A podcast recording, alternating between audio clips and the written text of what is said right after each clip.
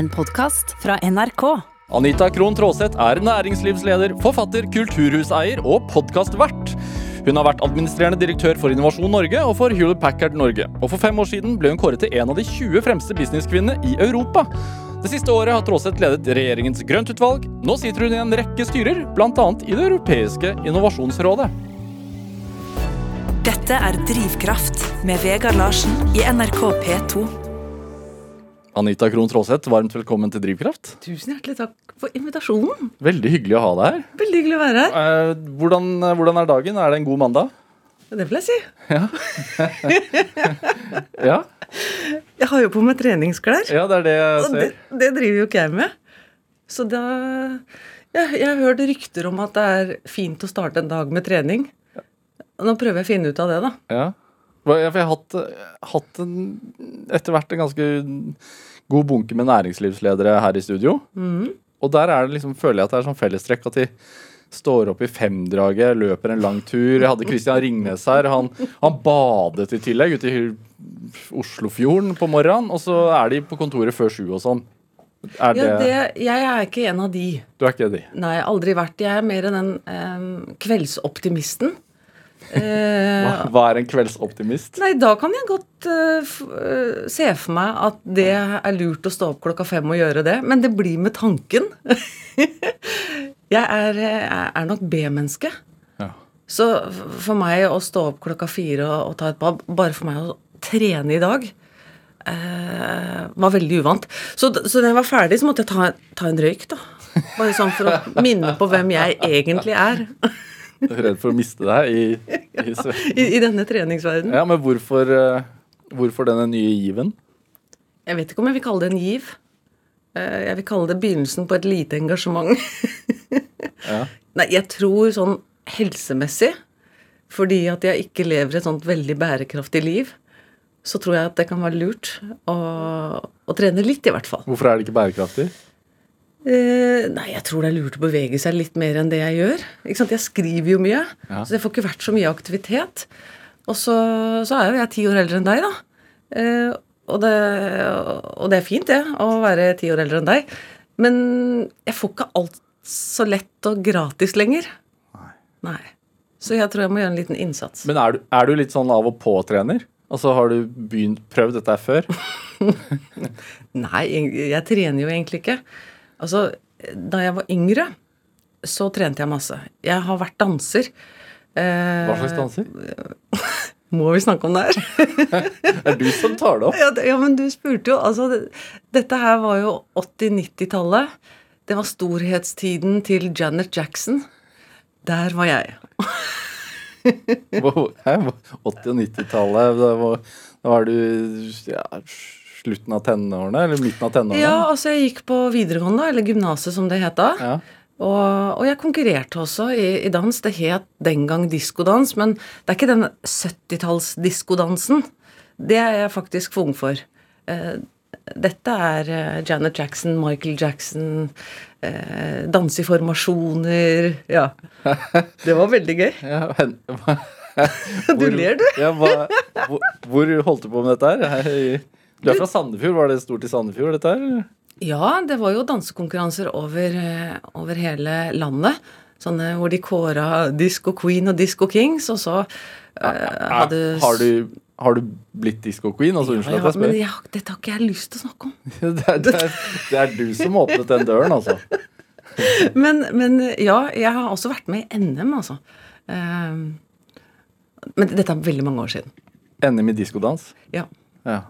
Hen, hender det at uh, Anita Krohn Traaseth Danser? Ja, altså dra frem gamle skills. ja, og du sa nøkkelordet her, gamle skills. Eh, jeg har jo tre døtre i alderen eh, 25 til 13. Og de har blitt såpass gamle nå at de helst ikke vil være i samme rom som meg hvis jeg danser. Men, men jeg danser, ja. Og spiller grisehøy musikk. Ja. Eh, og elsker det. Når skjer dette her? Ja, Det er når jeg er alene, da. Hjemme? Ja. Når jeg skriver, eller Da har jeg alltid veldig veldig høy musikk. Men når jeg skriver, da kan jeg ikke ha vokal. For da begynner jeg å synge, og da får jeg ikke konsentrert meg. Men musikk uten vokal passer. eh, Men det er sjelden jeg hører en rytme uten å liksom begynne å bevege på kroppen. Det er veldig fint. Er det? Uh, du, du sier at du sitter og skriver. Du fortalte meg rett før vi gikk inn i studiet at du holder på med eh, bok nummer to i trilogien Godt nok for de svina-trilogien. Ja. Som jeg skjønner at det skal Bli. bli. Fordi jeg spurte hva skal bok nummer to hete. da? Den skal hete Godt nok for de svina to. ja. Ja. Vi gjør det enkelt. Ja. Du, sk- og Godt nok for de svina én eh, kom for sånn seks Syv år siden. år siden. Ja. eh, du var i starten av 40-åra og skrev din egen biografi, rett og slett. Ja, rett og slett. Eh, Det, det er en på en en, en, slags triologi om liv og ledelse. Da. Det er jo ikke en ren biografi, og det, det er i hvert fall ikke en, en sakprosa for ledere. Jeg tror den havner i en sånn slags hybrid-kategori, da. Men eh, jeg skriver jo først og fremst om ting som jeg gjerne skulle ha lest selv. Eh, ikke for noe annet enn å, å, å bli kanskje inspirert da, og motivert og få innsikt i hvordan ulike mennesker tar sine valg. Og fordi at jeg var for mange år siden en, en av få næringslivsledere, og kanskje ledere av teknologiselskaper som var kvinne, så hadde jeg lyst til å fortelle omverdenen litt om hvordan den jobben er. Og at dette ikke er rocket science. å og prøve å ja, kanskje rekruttere flere yngre kvinner til å gå hele lederveien. Så det er jo Ja, det var, et samfunnsprosjekt jeg har, da. det var tanken bak bok nummer én. Det var tanken bok nummer én. Men den har jo utvikla seg. Så den første den handla jo om, som du sier, om eh, oppvekst på 70-tallet i Sandefjord. Det handlet om kjernefamilie.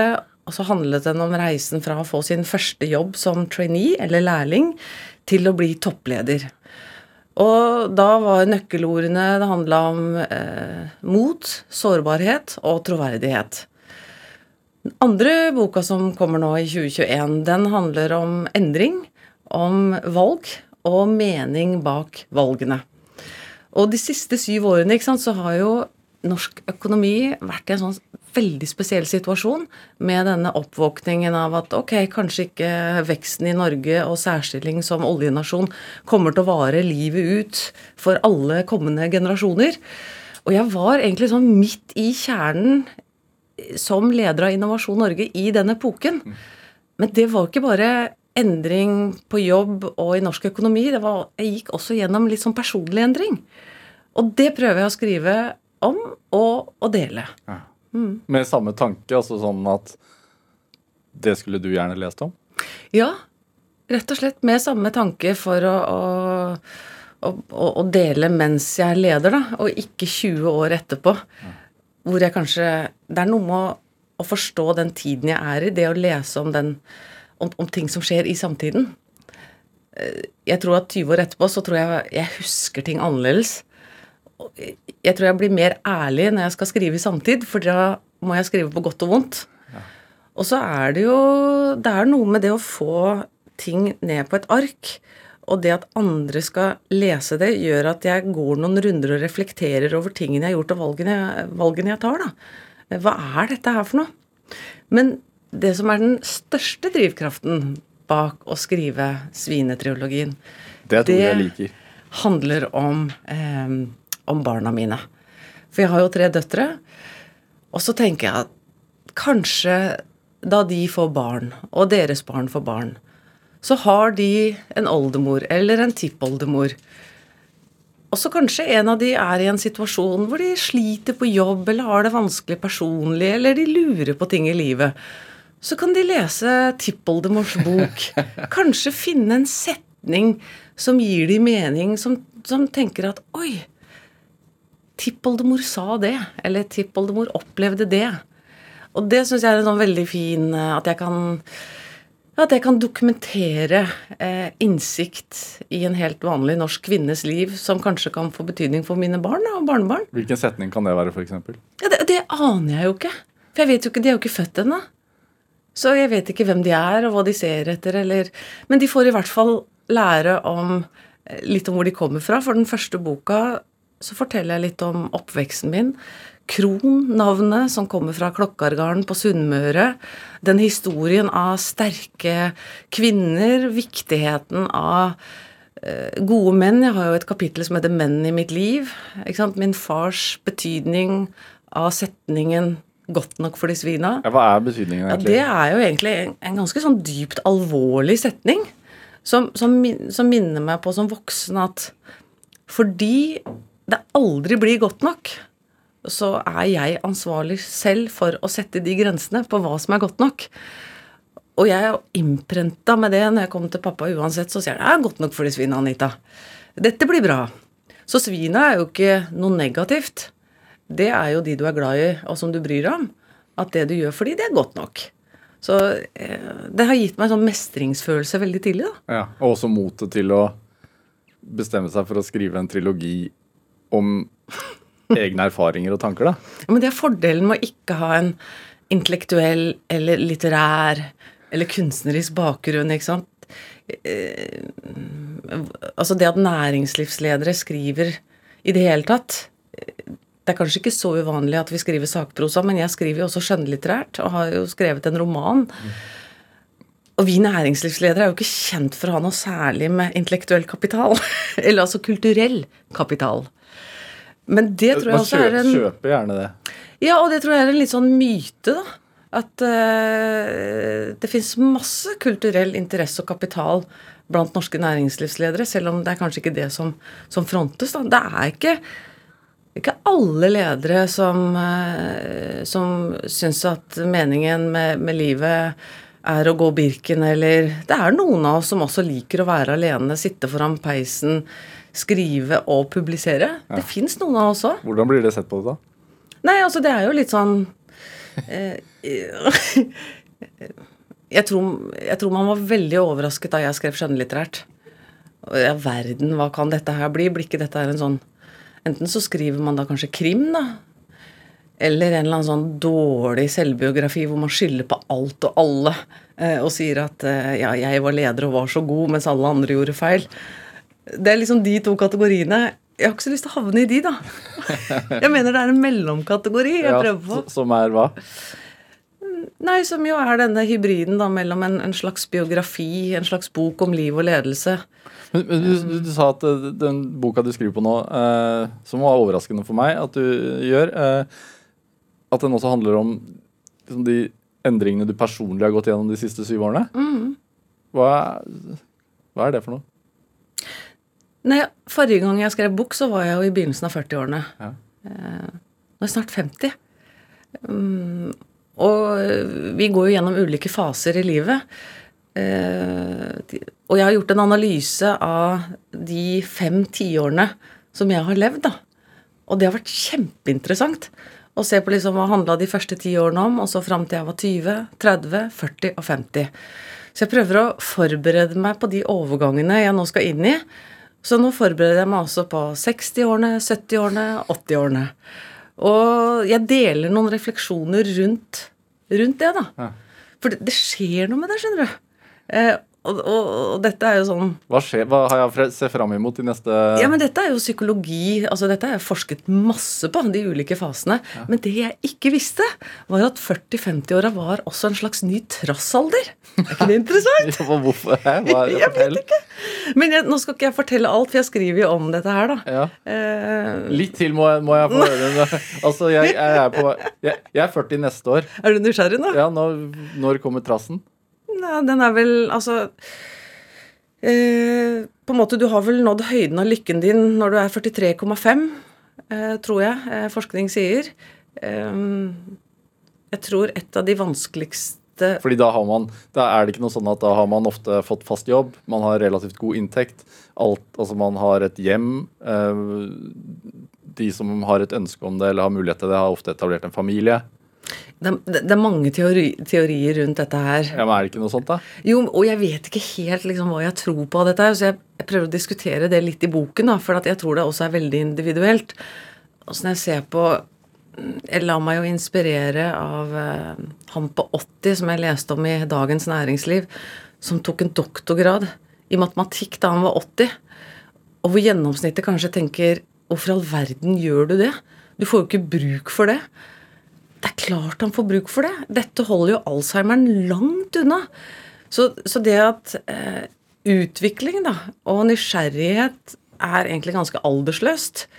Og at eh, personlighet og energi også er litt aldersløst. Noen av oss har mye energi og eh, en stor sånn utferdstrang, da. Og, og hele tida har lyst til å bygge repertoaret, forsyne seg av arbeidslivet, er nysgjerrig, mens andre ikke er det. Og det er noe med å finne litt ut av eh, hvem er jeg, da? Men jeg slipper ikke, jeg også. Hvordan merket du denne trassalderen i 40-åra? Jeg, jeg tror nok kanskje jeg er en litt sånn evig trass, da. jeg har aldri hatt noen sånn utagerende ungdomstid. Men jeg tror det er Når du blir eldre, så blir du jo litt mer trygg. Det er liksom det mest positive med å bli eldre. Er den tryggheten, alle de tingene du var bekymra for. Altså I 20-årene er vi jo ikke så veldig bekymra. I 30-årene så begynner jo virkeligheten å, å innhente oss. ikke sant? Da kommer de første skilsmissene, da kanskje, kommer kanskje problemene med å ikke få barn. Foreldre dør av kreft. Altså Du begynner å oppleve en, Voksenlivet en, på godt ja, og vondt. en dødelighet som jeg, jeg syns på en måte 20-årene var litt sånn udødelig. Alt var mulig. Det var bare å Altså Det var akkurat som jeg ikke hadde sånn konsekvensbegrep.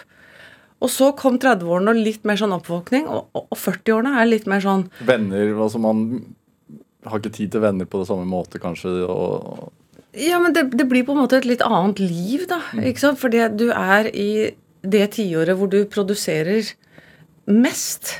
Både privat, med etablering, men også på jobb. Og så har kanskje 30-årene vært en litt sånn Duracell-kanin tiår.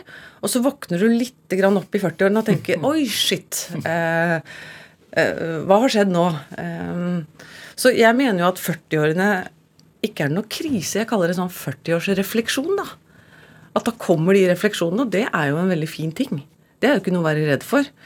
Så, og nå som en er straks 50, så, er det en annen trygghet og en annen interesse. Altså, det er noe som skjer, og det er innmari fint.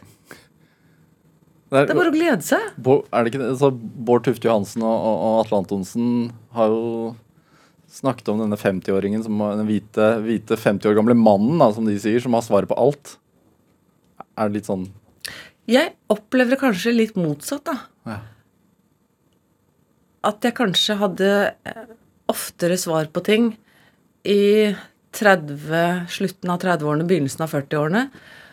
Og at det har blitt kraftig redusert jo eldre jeg har blitt. Også fordi eh, jeg har fått innsikt i nye ting som jeg kanskje ikke har vært så interessert i. Og så ser man å herregud, her er det mye områder jeg ikke kan. Dette er spennende. Og så er det jo aldri for seint å lære seg noe nytt. Og jeg tror det der å kontinuerlig være i bevegelse, og ikke bruke så innmari mye tid på å tenke 'hvem er jeg'? Eh, Jeg har ikke noe svar på det. Jeg var én i 20-årene, jeg var en annen i 30-årene.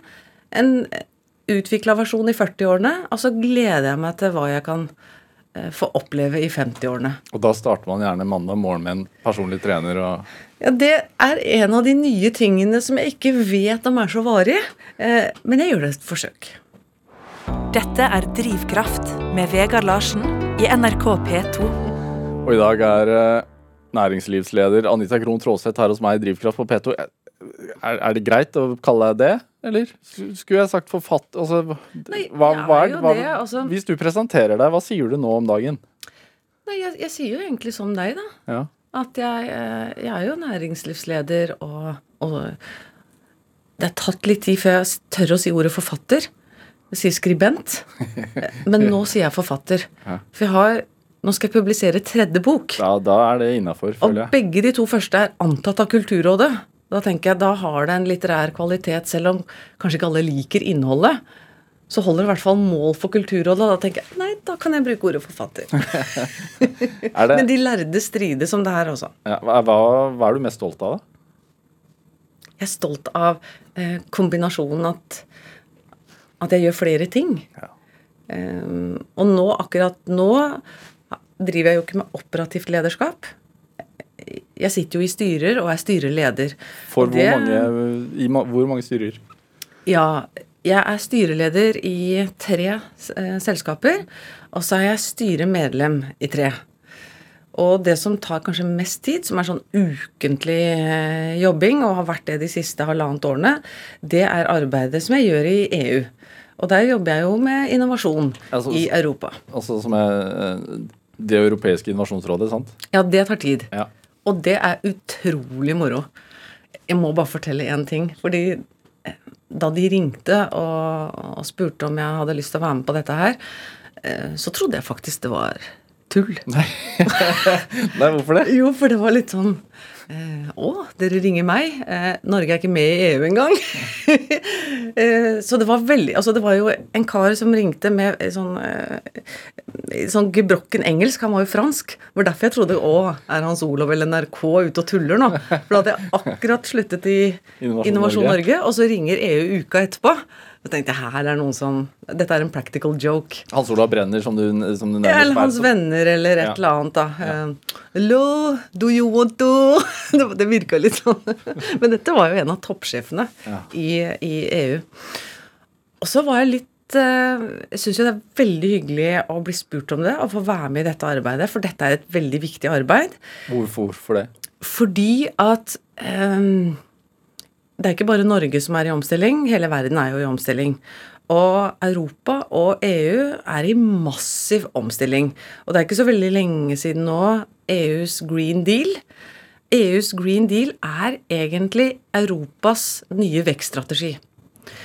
Og Europa har vært kjempeflinke på forskning. Og så har de vært litt mindre på det vi kaller eh, kommersialisering. Det å bygge nye industrier og nye arbeidsplasser, og det å satse på gründere. Har sikkert eh, sett at veldig mange av gründerne reiser til USA. Det er amerikanerne som er best, de bygger de store selskapene, eller, Ja, eller Asia. Hvis man ser på sånn framtidsutsikter, så ser man jo at den europeiske økonomien, som har jo vært veldig, veldig sterk i mange hundre år, sakte, men sikkert faller veldig Ja. tilbake. Og det er det grepet man må ta, ikke sant? som de holder på med nå. Så eh, EU hadde, har hatt en satsing i mange år som heter eh, ERC, som det er det europeiske Research Council. Nå skal de lage det samme for bedrifter og oppstartsbedrifter og investorer. Så vi sitter faktisk Og dette er jo ikke bare sånn ideer og planer som politikere er opptatt av. Det er 100 milliarder i potten her. Dette er store penger. Så vi sitter nå i det styret og bestemmer retning for hvordan skal disse 100 milliardene brukes for å skape ny, innovativ industri, eh, arbeidsplasser, I Europa. i hele Europa. Så kompleksiteten her er veldig stor. Så først så var jeg sånn Å, dette her blir sånn eh, Her sitter vi i Brussel, og så sitter vi og mener masse politisk, og så, og så blir dette her egentlig ikke noe av. Så jeg var litt sånn Ja ja, ok, da. Jeg får være med i dette sånn Ja, det gir prestisje, og det er sikkert viktig. Men så kom jeg altså på første middagen. Så reiser styreleder seg opp, og dette er eh, en professor fra Irland som heter Mark Ferguson. Så reiser han seg opp, og så kikker han på oss. Vi er da rundt 18 personer fra hele Europa med ulik bakgrunn. Både gründere, investorer, eh, ledere som meg. Og så sier han Now you have a license to misbehave. Så tenkte jeg, har jeg kommet hjem? altså, jeg hadde aldri trodd at det skulle sitte byråkrater i EU og oppfordre til å misbehave. Fordi innovasjon er også destruksjon. Det handler om å utfordre det etablerte, tørre å eh, sette retning og være veldig tydelig på at vet du hva, hvis vi skal ha en vekst framover nå, så må vi ta hensyn til følgende. Det å tørre å mene noe. eh, Det var en befrielse. Men er det Har du et eksempel altså, som gjør det litt mer oh, ja, det er litt vanskelig å gjøre det mer konkret, men eh, disse 100 milliardene, da. Eh, hvordan skal de brukes, og på hvem? Og det som vi var eh, veldig, veldig tydelige på, er at disse pengene her skal puttes inn i ny industri, det som fremmer på en måte eh, det grønne skiftet. Det å putte penger inn i det som ikke har livets rett, det skal vi ikke drive med. Det er ikke de omstillingspengene. Dette her handler om å gi fart til nye Medtech-selskaper, eh, ren energi, det kan være eh, big data, håndtering av store data, nye teknologiplattformer. For det handler jo også om at Europa skal i den sjette innovasjonsbølgen som vi er i nå, skal ha både folk og kunnskap og teknologi som andre land har lyst til å, å, være en del av. Ikke bare at Europa skal henge seg på en eller annen kinesisk plattform eller en amerikansk plattform. Så, som, som har vært en trend? Ja, som jo har vært en trend. For i den femte innovasjonsbølgen, da var det veldig mye fokus på på altså type selskaper som sant, Amazon. Eh, det var veldig forbrukerorientert. Det handla veldig mye om IKT. Mens teknologi er veldig mye mer enn informasjonsteknologi. Og den fasen vi skal inn i nå, handler om et enormt ressursskifte. Så, hvor, eh, hvor, hvor, hvor uh, opptatt er dere av at den økonomien skal være uh, hva skal man si, solidarisk? Veldig opptatt av det. Sånn som Når du nevner nå mm. Amazon, mm. så, så, er jo det en, en, enorm bedrift i USA som betaler lite skatt, og som har gjort eieren utrolig rik. Og det er jo kanskje en av de største bekymringene og sakene som vi ser på EU nå. Det er eh, noe som heter technology eh, sovereignty. Altså hvordan skal vi sørge for at Europa ikke blir sånn locked in eller helt avhengig av teknologier som kommer fra andre land eller andre regioner enn Europa. Det betyr ikke at vi skal lage sånne proprietære plattformer for Europa, men det må være, et, det må være valgmuligheter det er det vi er opptatt av. Sånn at eh, både bedrifter og land kan velge mellom ulike leverandører på teknologi. Så ikke vi får den lock-in, sånn som med Amazon eller med Facebook eller mm. Det er veldig stor bevissthet på det. Men skal man få til det, bygge sånne nye selskaper, så, så må man jo også ta all den forskningskompetansen ut, da. Og lære seg å bygge nye industrier basert på den forskningen. Og et konkret eksempel er jo hva covid-19 har eh, medført. Det er jo en enorm satsing nå på helseteknologi. Veldig mye av utlysningene av pengene som er delt ut både i forbindelse med at det er lån og tilskudd, går til bedrifter som skal være med å løse utfordringene vi står i i forhold til covid-19. Her har Norge mye vi skal ha sagt òg, vet du. Men og de siste årene så har eh, noe som heter Norway Health Tech, har bygget opp en mer enn en kritisk masse med oppstartsselskaper innenfor eh, medisinsk teknologi som er klare for å kommersialiseres der ute. Men vi i Norge er et bitte lite land. Vi må samarbeide med andre land for å få ut den teknologien og løsningene. Og så har vi jo lyst til at den industrien på en måte skal ha et hovedsete i Europa. Ja. Norge må ikke sitte alene nå. Vi er helt avhengig av samarbeid. Vi må jobbe tett med EU, sånn som vi gjør med EØS. Vi, eh, det å være alene nå, det er eh, spesielt også når vi skal inn og skape oss en ny særstilling. Nå blir vi mer lik eh, Sverige og svensk økonomi.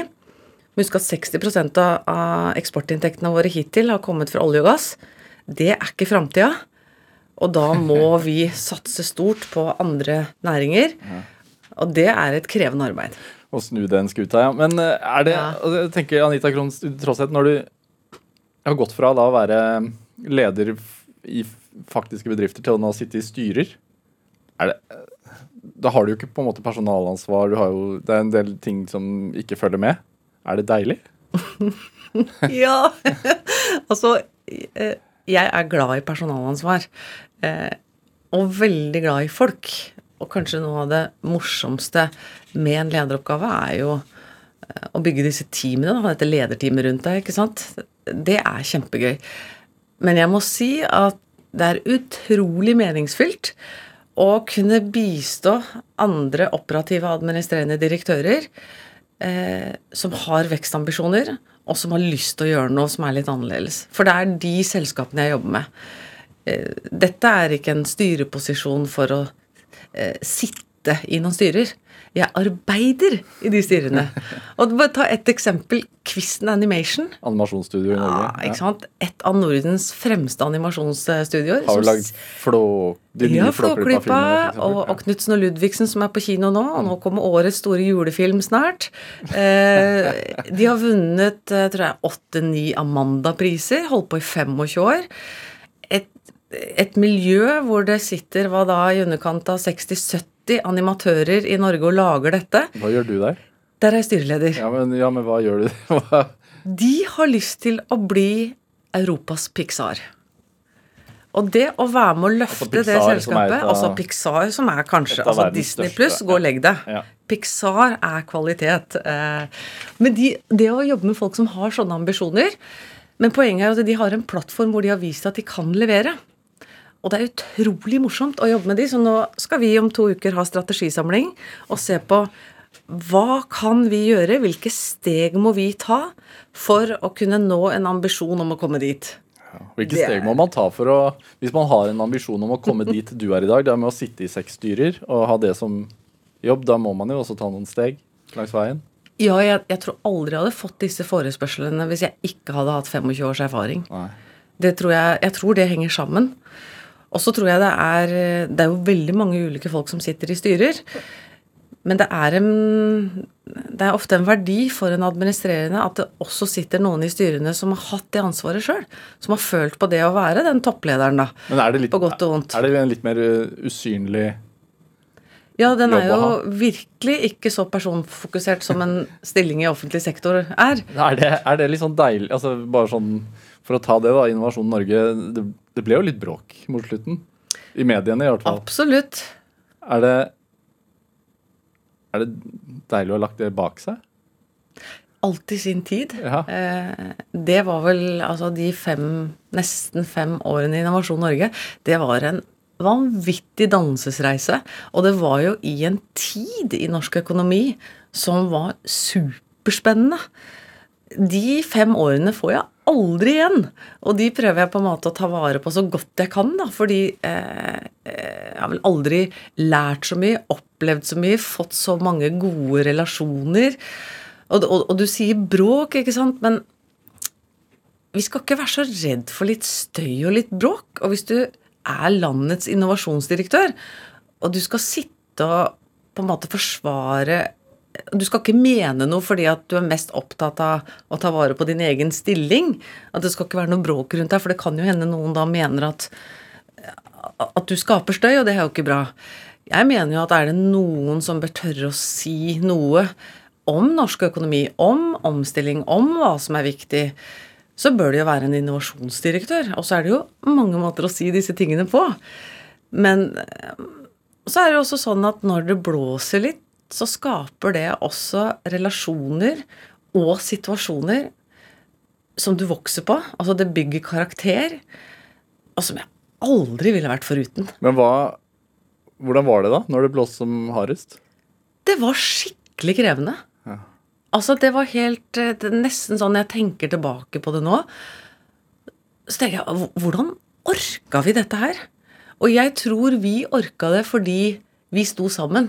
Jeg tror det er en myte, men det er en myte med, med stor realitet, at man sier at toppledere er ensomme. Jeg var aldri ensom. Jeg hadde så mye bra folk rundt meg. Og det tror jeg fordrer også det at eh, jeg var veldig ærlig da, med de rundt meg. De så når ting var krevende. De, altså det å spørre folk til råds, la de få slippe til. Og så beskytta jeg meg selv sånn at eh, jeg leste ikke avisene. Jeg hadde bare fokus på jobb. Og sto opp om morgenen og dro på jobben, og på kvelden så hadde jeg ingen planer. For da hadde jeg ikke mer energi. Det synes jeg orka ikke. Så jeg tok noen sånne forhåndsregler, men kanskje noen av de fineste episodene jeg har hatt, har vært når det har storma. Det, det må man ikke unngå. altså hvis, man, hvis det er en mening bak det lederskapet og det Men du hvordan, holder på hvordan med. kan du si det? Jo, fordi altså, Ta ett eksempel. Det her var en, en dag i, i desember, og det var skikkelig slitsomt. Masse sånn eh, oppmerksomhet rundt omkring i, i, i mediene. og folk Ja, eh, det var nok før det. Dette her var midt i omstillingen. Okay. Og du vet at når du skal Eller det vet du kanskje ikke, men eh, når du går fra å ha tanker og ideer om å omstille, og du faktisk skal gjøre det, og du nedbemanner uten pakker, eh, og du har ja, i underkant av ti ulike fagforeninger med forhandlingsrett. Du har alle fylkeskommunene, du har elleve departementer. Alle mener noe uansett hva du gjør. Når du kutter i budsjetter, så er det noen interesser. Så noen vil ikke bli fornøyde, og så skaper det motkrefter. Og de motkreftene, de må du stå i. Og så må du navigere i det da, og så finne ut av hva er sunn motstand, og hva er usunn motstand. Altså, hva er faenskap? Fordi det fins også faenskap. Men som regel Ja, så så noen som alltid Ja, altså Du kan dele arbeidsstokken inn i tre kategorier, da. Jeg vet ikke hvilken kategori du er i, men dette her er det en eh, sånn Få høre kategoriene, da. ja, dette er en sånn global undersøkelse da, som er gjort av Gallup. Jeg syns dette er kjempeinteressant.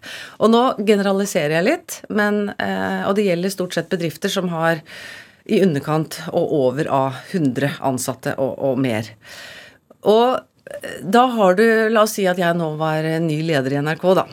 Og så sitter jeg her i studio, og her er alle ansatte i NRK. Og så introduserer jeg meg selv, og så sier jeg nå, folkens, skal vi ut på en reise. Vi aner ikke helt hvor vi skal, men dette her blir gøy. Og hvor mange av dine kollegaer tror du da tenker Yes! Dette har jeg lyst til å være med på!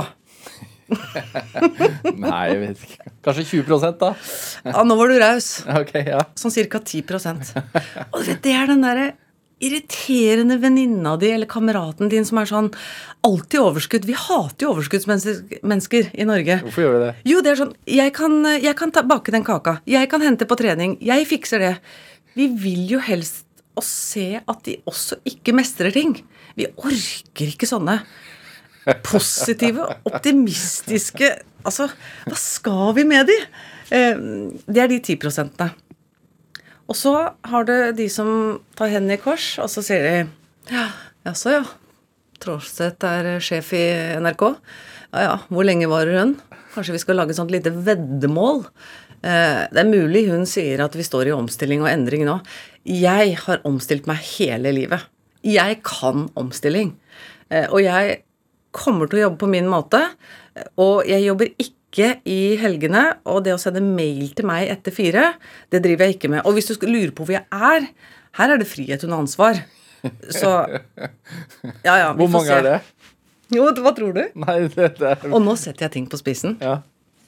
Dette er 70 ja. Men dette er en utrolig viktig gruppering. For det er nesten alle? Ja, for det er nesten alle, og det er de som får fabrikken til å gå rundt. Du kan ikke ha en gjeng som løper der og er endring- og innovasjonskåte, fordi da, da klarer du ikke å levere. Eh, Så, men du må bare vite at det er 70% som er sånn. Så kommer du inn som ny leder et sted og tror at du skal få begeistring for ledelse og strategi og det du holder på med, så får du ikke det. Og det er helt greit. Og så har du den siste kategorien. Ja, de tar vel ikke troa i det Hør hele på tatt? navnet på denne grupperingen her. Aktivt uengasjert. og når du er aktivt uengasjert, da kan du også drive med faenskap. Det betyr at du aktivt hindrer eh, endringene.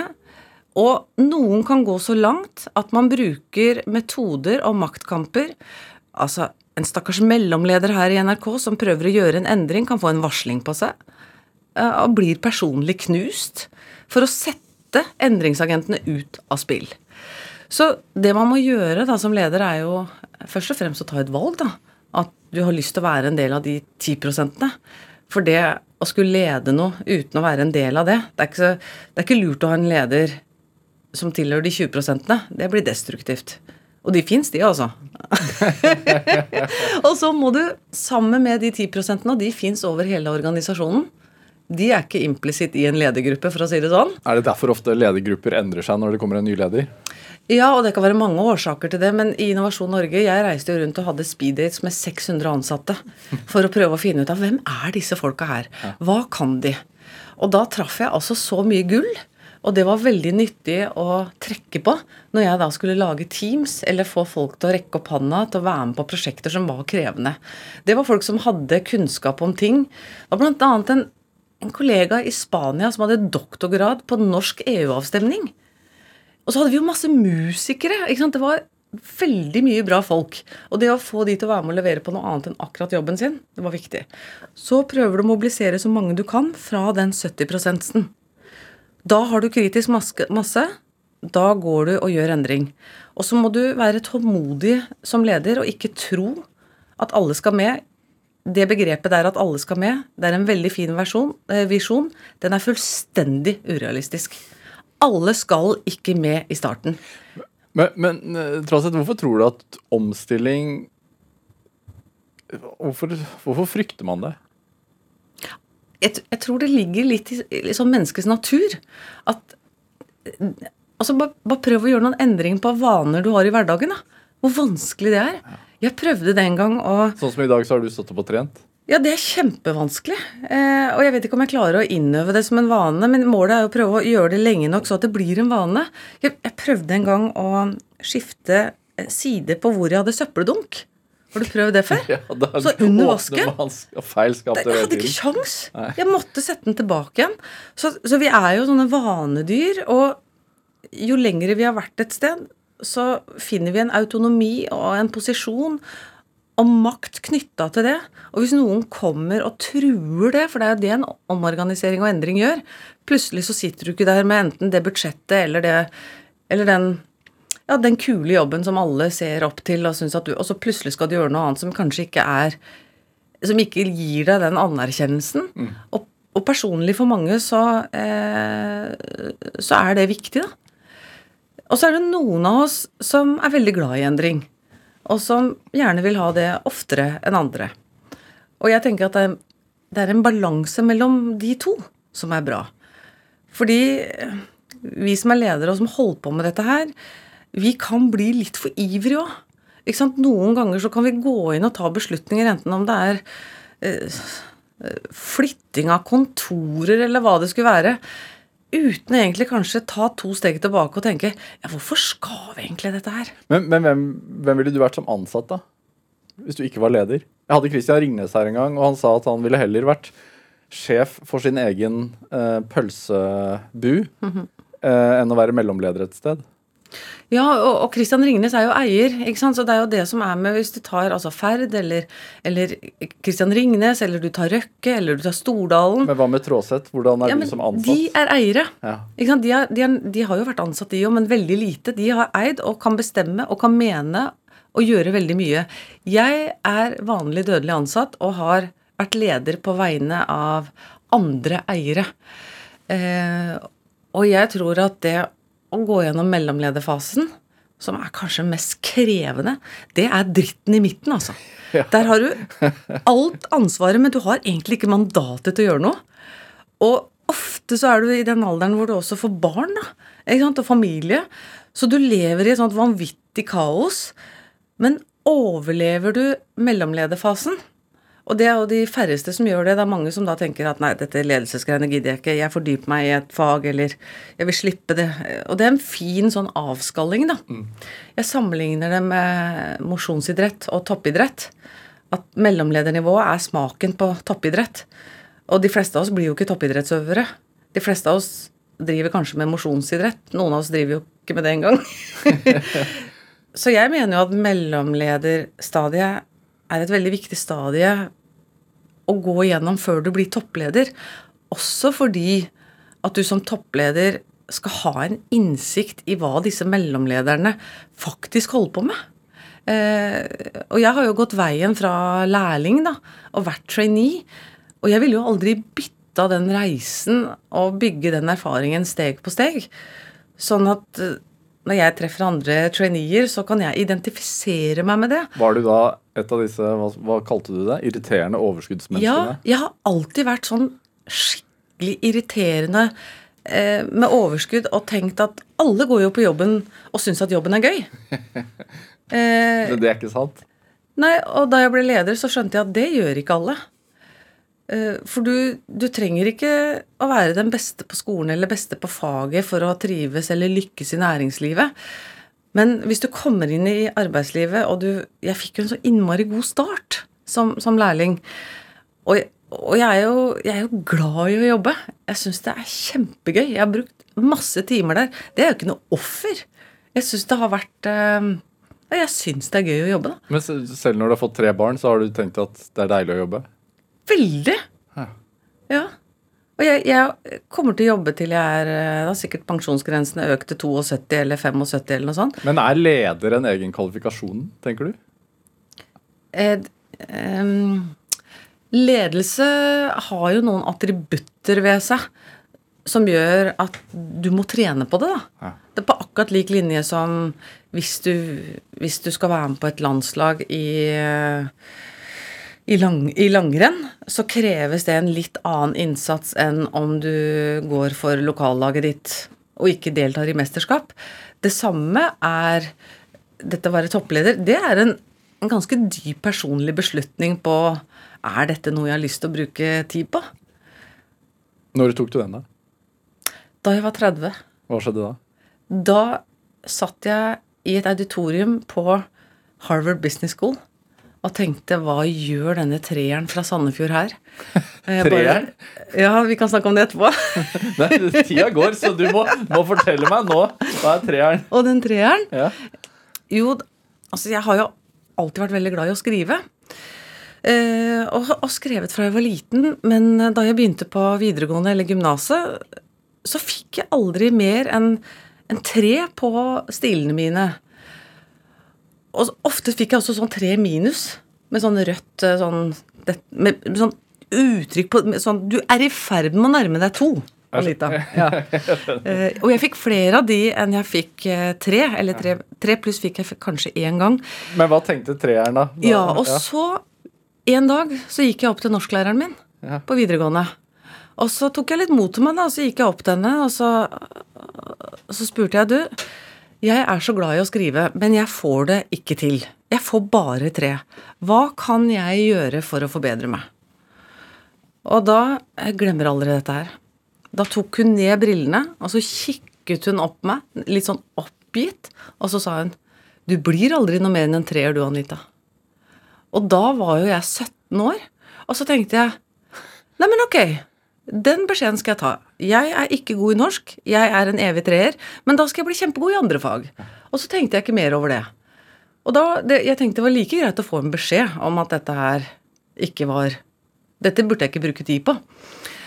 Og jeg gikk jo ikke hjem og fortalte foreldrene mine dette her.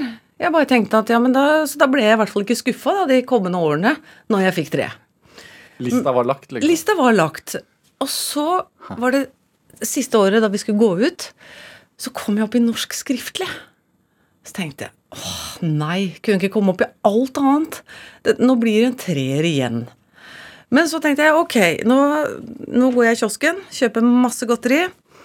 Og så finner jeg en oppgave, og jeg elsket jo å skrive, å skrive, så det var jo ikke noe problem. Og på denne eksamen så brukte jeg bare én time. Jeg skulle analysere en novelle, syntes det var kjempegøy, men tenkte pss, det blir tre. Og så gikk jeg ut, og da var det bare noen få uker igjen, så var jo videregående over, og da skulle jo jeg til Paris. Og gleda meg til det. Og så gikk det litt tid, og så ble resultatene hengt opp i aulaen på Sandefjord videregående. Og så ser jeg studentnummeret mitt, og så står det fem. Så tenkte jeg, her er noe gærent. Så jeg ringer da til studentkontoret og sier at er- her er det gjort en feil. Eh, mitt studentnummer har fått fem, og, og jeg er ikke fem, jeg er tre. Og de bare nei, dette er riktig. Ja. Og da fikk jeg jo eksamen tilbake. Og det var første gang jeg hadde sett en femmer på arket. Så tok jeg og Jeg vet ikke hva som gikk over meg da, men, men da ble jeg plutselig akkurat som jeg ble sånn rett i ryggen. Og så gikk jeg inn på denne norsklektorens kontor. Og det var liksom, det er inne i det hellige. Og jeg banka ikke på døra engang. Og så tok jeg, og så var jeg så redd for at den femmeren skulle dette. Skjønner du, At den skulle forsvinne. At det var sånn usynlig blekk. At den ikke skulle være der når jeg kom eh, på norsklektorens kontor. Men den var jo der. Og så slang jeg papiret på pulten hennes, kikka henne rett i øynene, og så sa jeg Og du som sa at jeg aldri kunne bli noe mer enn en treer. Og så snudde jeg og gikk, og siden det øyeblikket så bestemte jeg meg for at jeg skal aldri la noen sette meg i bås. Noen ganger i livet leverer jeg til to, andre ganger leverer jeg til fem. Jeg kan også kline til og levere til seks. Sånn er det bare. Dette er Drivkraft med Vegard Larsen i NRK P2. Og i dag er eh, næringslivsleder og forfatter Anita Krohn Traaseth her hos meg i Drivkraft på P2. Altså, dette var starten på en historie fra Harvard, egentlig. Ja, for da eh, Jeg jobbet i Den Norske Veritas, Ja. eh, og så skulle vi ha lønnssamtale. Og i og med at jeg da ikke hadde en ferdig master da jeg startet å jobbe, så tenkte jeg istedenfor høyere lønn, så må jeg be om etterutdanning. Og Det Norske Veritas, jeg jobbet i Det Norske Veritas Software, er jo veldig opptatt av kunnskap og kompetanse. Så da eh, fikk jeg lov å velge på øverste hylle og ble sendt til Harvard. Og da skulle jeg gå et talentprogram for eh, unge ledere, da. Og der sitter jeg, jeg kan gå på campus der, dette har jeg jo bare sett på film, og tenker I'm so not worthy. ikke sant, Denne treeren, hva gjør jeg her? Og så setter jeg meg da inn i auditoriet, og så kommer det en sånn liten mann med grått hår og grå dress som heter Cotter. Og så står han der altså en hel dag, og så foreleser han om forskjellen mellom administrasjon og ledelse. Og da, etter den forelesningen Du vet, noen forelesninger er jo det de kaller en sånn eh, Altså, du husker den for livet. Jo- Professor John eh, John P. Cotter. Ja, fantastisk fyr.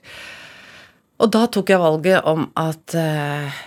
Jeg ønsker å lære meg hva ledelse er, og lederskap er, og ikke administrasjon. Det kommer til å, å bety masse kritikk. Han forberedte oss på at det kom til å bli eh, omstridt, at det er den vanskeligste veien å gå, eh, og at de som lykkes mest over tid i ledelse, det er administratorer. De mener ikke noe, de, gjør, eh, de leverer tallene sine, de er venner med alle. Men skal du virkelig få den der kula til å gå rundt, så må du eh, stille spørsmålstegn til hvorfor holder du på med det du driver med, hvordan kan vi gjøre ting annerledes, og ha fokus på folk og mobilisere til ny retning. Det opplevde jeg da som 30-åring, og da bestemte jeg meg for at dette er retningen jeg vil gå, uten at jeg tenkte noe mer over det.